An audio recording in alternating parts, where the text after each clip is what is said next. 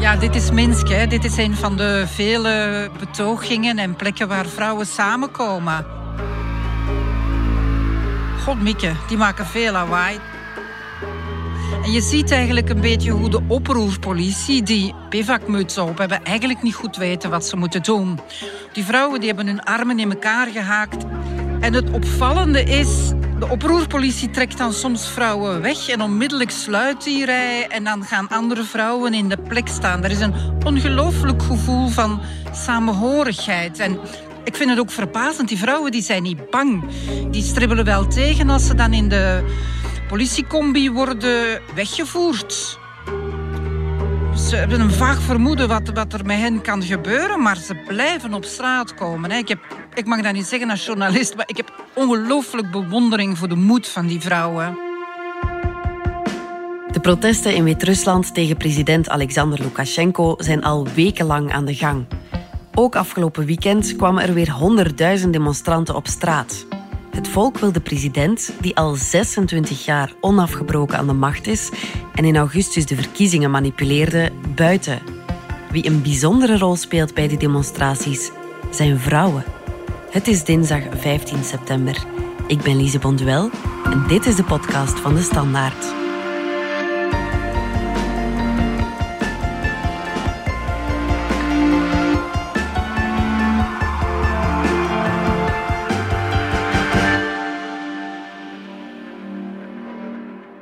Corrie Hanke, buitenlandsjournalist. Jij volgt voor de krant de protesten in Wit-Rusland tegen Lukashenko. Het is opvallend dat die protesten worden geleid door vrouwen en dat in zo'n macho-land. Dat zien we toch niet zoveel? Nee, dat klopt, dat zien wij niet veel. Maar ik denk dat vrouwen in Wit-Rusland eigenlijk altijd wel een belangrijke rol gespeeld hebben. Ik heb een vriendin die in, in uh, Oekraïne is opgevoed en dus een, een Sovjet-opvoeding toen gehad heeft. En die is hoogst verbaasd over dat wij vrouwen hier in het Westen het altijd nodig vinden om ons te moeten bewijzen en dat wij het gevoel hebben dat wij op school altijd een beetje werden behandeld als eh, tweede rang. Zo. Wij waren nooit zo goed als die jongens. En zij zei me, ik begrijp dat niet. Ik, ik heb bij mijn Sovjetse opleiding, ik heb altijd gehoord dat wij gelijken waren van de jongens. Heel dat, dat discussie die speelde bij ons niet. En dus die vrouwen nu in Wit-Rusland, zeker de oudere generatie, die hebben die opvoeding gekregen. Dus die zijn hoog opgeleid, die zijn op de arbeidsmarkt gekomen in de vaste overtuiging van ik ga hier mijn eigen inkomen en mijn eigen zekerheid verdienen. Dus dat zijn wel vrouwen die hun mannetje kunnen staan. Ja. En blijkbaar vertelde gisteren een Wit-Russische onderzoekster mij aan, aan de telefoon. Blijkbaar gaat het Wit-Russische systeem er ook van uit dat alle sociale zekerheidsbijdragen die voor het gezin zijn, die worden aan de vrouw betaald omdat er hmm. zoveel scheidingen ook zijn. Dus, dus de vrouwen die beheren echt dan de pot van het gezin en, en staan dus in voor de opvoeding van de kinderen. Er zijn heel veel scheidingen, omdat de mannen, excusez le mot, ofwel te zat zijn, ofwel te agressief zijn, of gewoon niet omkijken naar het gezin. Dus die vrouwen, en ik heb dat in Rusland ook gezien, dat zijn meestal heel sterke vrouwen in een macho-samenleving. Dus zoals zoveel vrouwen laten zij die mannen in de waan dat die mannen ongelooflijk belangrijk zijn, maar eigenlijk draait die samenleving wel voor een groot stuk op die vrouwen. Ja, eigenlijk hebben zij de touwtjes in handen achter de schermen. Achter de schermen. Bedoel, zij hebben geen belangrijke functies, want je ziet nog altijd de topdogs, dat zijn mannen. En, en die onderzoekster zei gisteren ook tegen mij, wij vrouwen, wij, wij weten altijd al dat we dat kunnen, maar wij tonen dat niet. Tenzij in uitzonderlijke omstandigheden. En we zitten nu in uitzonderlijke omstandigheden. Dus nu tonen we de kracht die we hebben. Ja. En bij die protesten tegen Lukashenko nemen nu drie vrouwen het voortouw. Svetlana Tishanovskaya, Maria Kalesnikava en Veronika Tsepkalo. Die drie vrouwen die hebben een soort verbond gesloten. Die kenden elkaar tevoren niet. En die zeiden, we hebben dat op een half, een half uur beklonken dat we dat gaan doen. En die hebben dan gezamenlijk beslist van oké, wij stellen dan Svetlana Tikhanovskaya voor als presidentskandidaat. Svetlana Tikhanovskaya! Dus zij nam het op tegen Lukashenko in de verkiezingen. Hij beweert dat hij 80% van de stemmen heeft gehaald. De oppositie is ervan overtuigd dat de verkiezingen vervalst zijn. Officieel heeft Lukashenko 80% eh, van de, stemmen gewonnen. Maar er waren geen onafhankelijke waarnemers en er zijn filmpjes opgedoken, stiekem gedraaid in een stembureau, waarbij bij de telling blijkt dat Lukashenko niet gewonnen heeft. En dan zie je de mensen onder elkaar praten van oh, wat moeten we hiermee doen? Welke uitslag gaan we nu moeten doorgeven aan Minsk? En die beelden die worden op de sociale media ongelooflijk gedeeld. Dus de meeste mensen denken, nee, hij heeft deze verkiezingen niet gewonnen en hij moet weg. En dus de oppositie zegt nu, wij gaan ervan uit dat Svetlana Tikhanovskaya de verkiezingen gewonnen heeft. In eerste instantie wilde zij een dialoog met Lukashenko, maar vrij snel na de verkiezingen heeft de oproerspolitie ongemeen bruut opgetreden tegen de betogers. En dan is het eisenpakket van de vrouwen als volgt geworden van het geweld moet stoppen, alle politieke gevangenen uh, moeten vrijgelaten worden en er moeten nieuwe verkiezingen komen.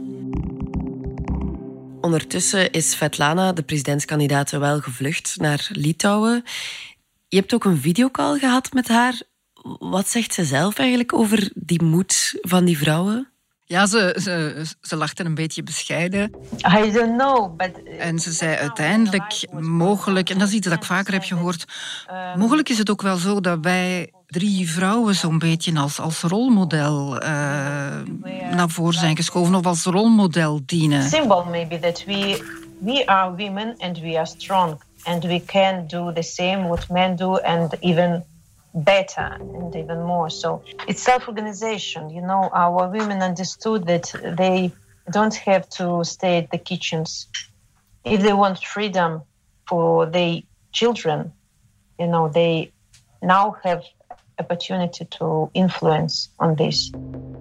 Svetlana zelf bijvoorbeeld, als je haar parcours ziet, zij heeft een opleiding Duits-Engels gehad. Zij heeft een tijdje als tolk gewerkt.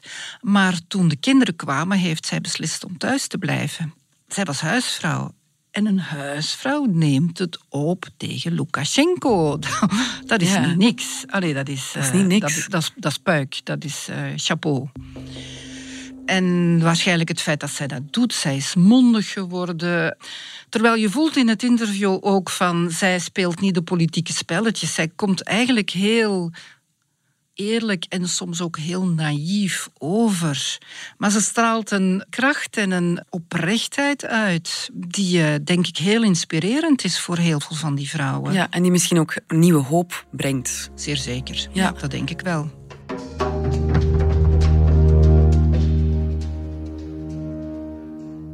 Er ging ook een video viraal van, van een 73-jarige vrouw, Nina.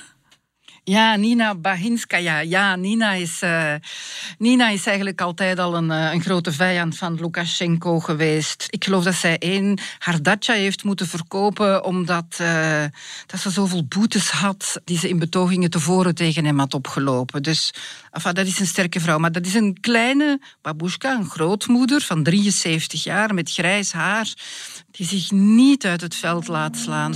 Er zijn prachtige beelden van Nina die naar een cordon van gespierde zwarte mannen gaan met bivakmutsen op, dus politie. En zij staat daar met haar vlag en zij wil passeren en die houden haar tegen en zij roept gewoon uit... Yaguliayu. En hij wil zeggen, ik ben gewoon aan het wandelen. En ze duwt die, die uh, agenten voorbij, zo'n beetje verbouwereerd, staan te kijken. En zij passeert gewoon. En dan hoor je natuurlijk op de video alle, heel veel mensen applaudisseren. Om, omdat ze dat gewoon... Allez, ze zet die mannen van de oproerpolitie voor aap, eigenlijk. Ja, ja, ja, ja. Dus Nina is ondertussen voor heel veel van die jonge vrouwen is zij een begrip. Dus als zij op een rolmodel straat, bijna. Ja, een rolmodel. Ja. Ook als zij op straat komt, dan... Uh, ja, de mensen roepen tegen haar Nina, Nina. Of ze willen selfies met haar maken. En, en ik heb vanochtend met een, met een cameraman gepraat en die vertelde mij dat uh, als de vrouwen nu betogen, dan roepen zij ook allemaal Ja, Gulyayo, ik ben aan het wandelen. Ja, het is bijna een slogan geworden. Het, het is echt een slogan, of een van de vele slogans geworden.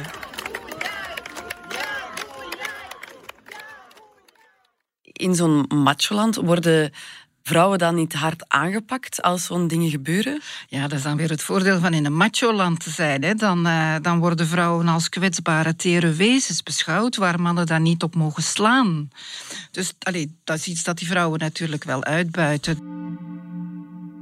Even during when you look at the protests, when you look at the photos and videos, you can see that the police forces, the riot police, have very clear orders to uh, target men in the protests first and first and foremost, and then only when they are sort of uh, left with no other options, then they start arresting women.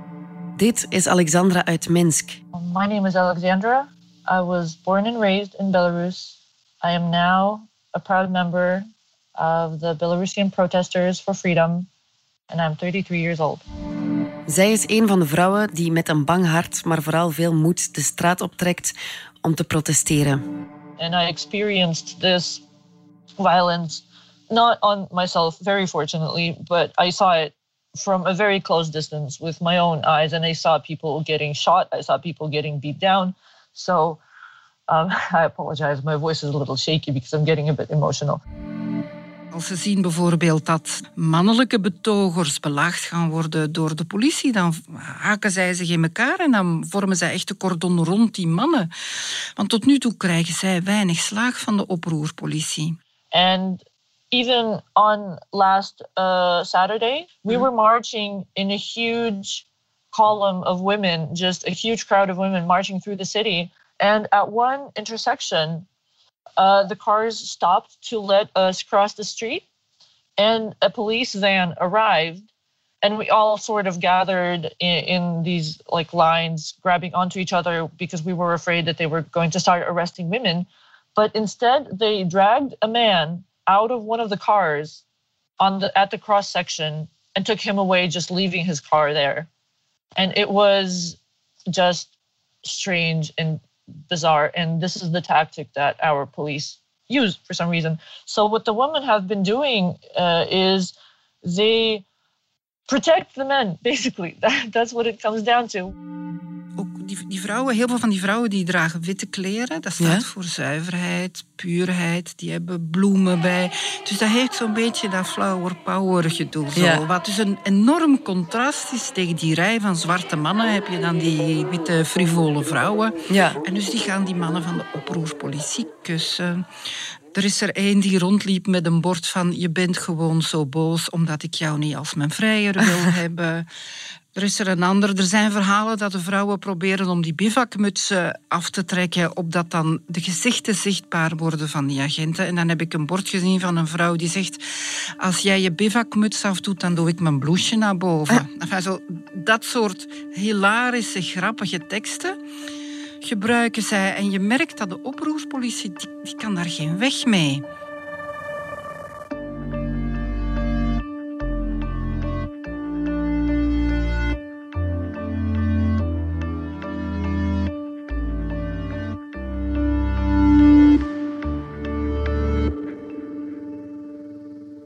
Ja, ik kan mij ook niet inbeelden dat de oproerpolitie dat dan ongestraft laat gebeuren. Ja, nee, in de eerste dagen, toen de oproerpolitie heel bruut uh, heeft opgetreden, uh, dan zijn enorm veel mannen en vrouwen in cellen opgesloten, op elkaar gepakt. Every day something like that happens, I realize that for me and for all of us, it is always a sort of 50-50 chance where we will, we will either be arrested or not. Dat heeft eventjes geduurd eer al die verhalen naar buiten kwamen, omdat uh, in die dagen het internet was afgesloten. Dus niemand wist wat er aan het gebeuren was. Veel sociale media konden niet werken. Dus de horror die toen in de gevangenissen gebeurd is, werd pas enkele dagen later bekend. Yeah, it's become it's become a real habit for us to as soon as you come home because often, especially on the weekends, uh, the government shuts down uh, the cellular network and mobile internet, so people cannot uh, communicate, or it's very difficult to communicate. Mm-hmm. So as soon as you get home, the first thing you do is you go online and you start messaging and calling your friends to make sure that everybody made it home safely. En toen ze na vier dagen, denk ik, terug buiten kwamen, waren er toch ook vrouwen die vertelden over dat gedreigd werd dat ze verkracht zouden worden, dat ze seksueel betast zijn. Dus het is echt niet zo dat ze compleet niet lijden onder wat er gebeurd is. Zeker niet. Maar op straat, tot nu toe, worden zij niet afgeranseld. Niet openlijk, niet publiek. Niet publiek. En toen hebben een aantal vrouwen, en ik heb er daar een van uh, aan de lijn gehad, die waren zo geschokt van, van de berichten die toen bekend werden, dat zij als eerste zeiden: Wij gaan nu op straat in witte kleren en bloemen. En wij gaan ons zo opstellen dat we geen enkele aanleiding geven om gearresteerd te worden. Ja. Zij stonden daar gewoon in het wit. Soms zongen zij liedjes. En als de politie dan naar hen kwam, vertelden ze mij, dan gingen de vrouwen uit elkaar, dan gingen die een wandelingetje doen en dan kwamen die twee straten verder, kwamen die weer bij elkaar en daar stonden ze weer in een witte rij. En dat was echt de eerste reactie toen de beelden na het uitvallen van het internet bekend werden. The women went out into the streets just wearing uh, white dresses and white clothing and holding white flowers and started gathering in uh, chains of solidarity in the cities, starting in Minsk and then in other cities as well. Uh, in the middle of the day, just standing along the streets at different crosswalks, just in different parts of the cities. En worden mannen wel hard aangepakt? Zeer zeker, ja. Je moet echt niet ver zoeken op het internet om ik weet niet hoe gedetailleerd dat ik het moet vertellen, maar om bont en blauw geslagen billen, ruggen, kuiten te zien. Er is een journalist die onlangs vertelde, het is vies hoor wat ik ga zeggen, maar dat blijkbaar mensen anders huilen als ze met elektriciteit worden behandeld dan als ze slaag krijgen. En dus hij kon vanuit zijn cel horen wanneer de bewakers elektriciteit gebruikten tegen de gevangenen. Dus daar zijn gruwelijke dingen gebeurd, dat is zeker. Je haar gaat daar overeind van gaan staan. Corrie, hoe zal dit evolueren? Dat is een heel moeilijke vraag. Want aan de ene kant heb je Rusland en president Poetin, die een heel duidelijk plan voor Wit-Rusland heeft. En aan de andere kant heb je al die betogers die zelf willen beslissen over de toekomst van hun land.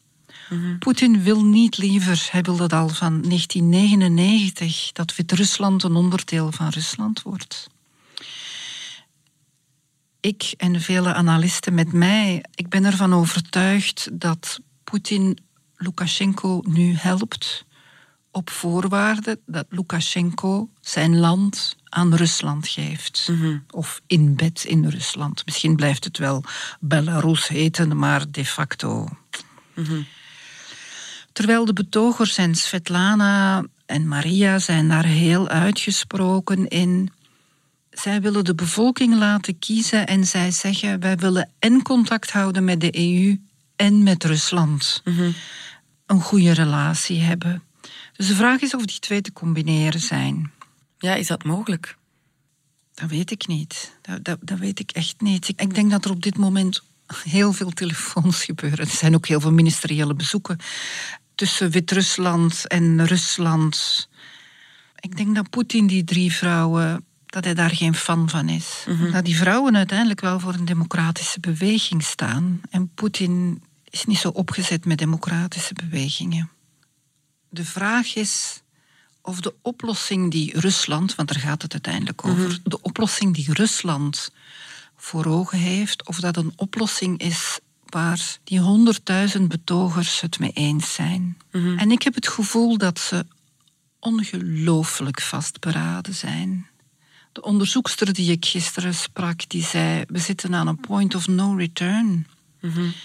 En de cameraman die ik onlangs gezien heb, die had een wit met rood bandje aan. En hij, hij zei, weet je wat dat betekent? Ik zei, nee. En hij zei, dit betekent dat we tot het einde blijven doorvechten. En we herkennen elkaar op straat. Als we zo'n bandje aan hebben, dan steken we onze vingers een V-teken naar boven.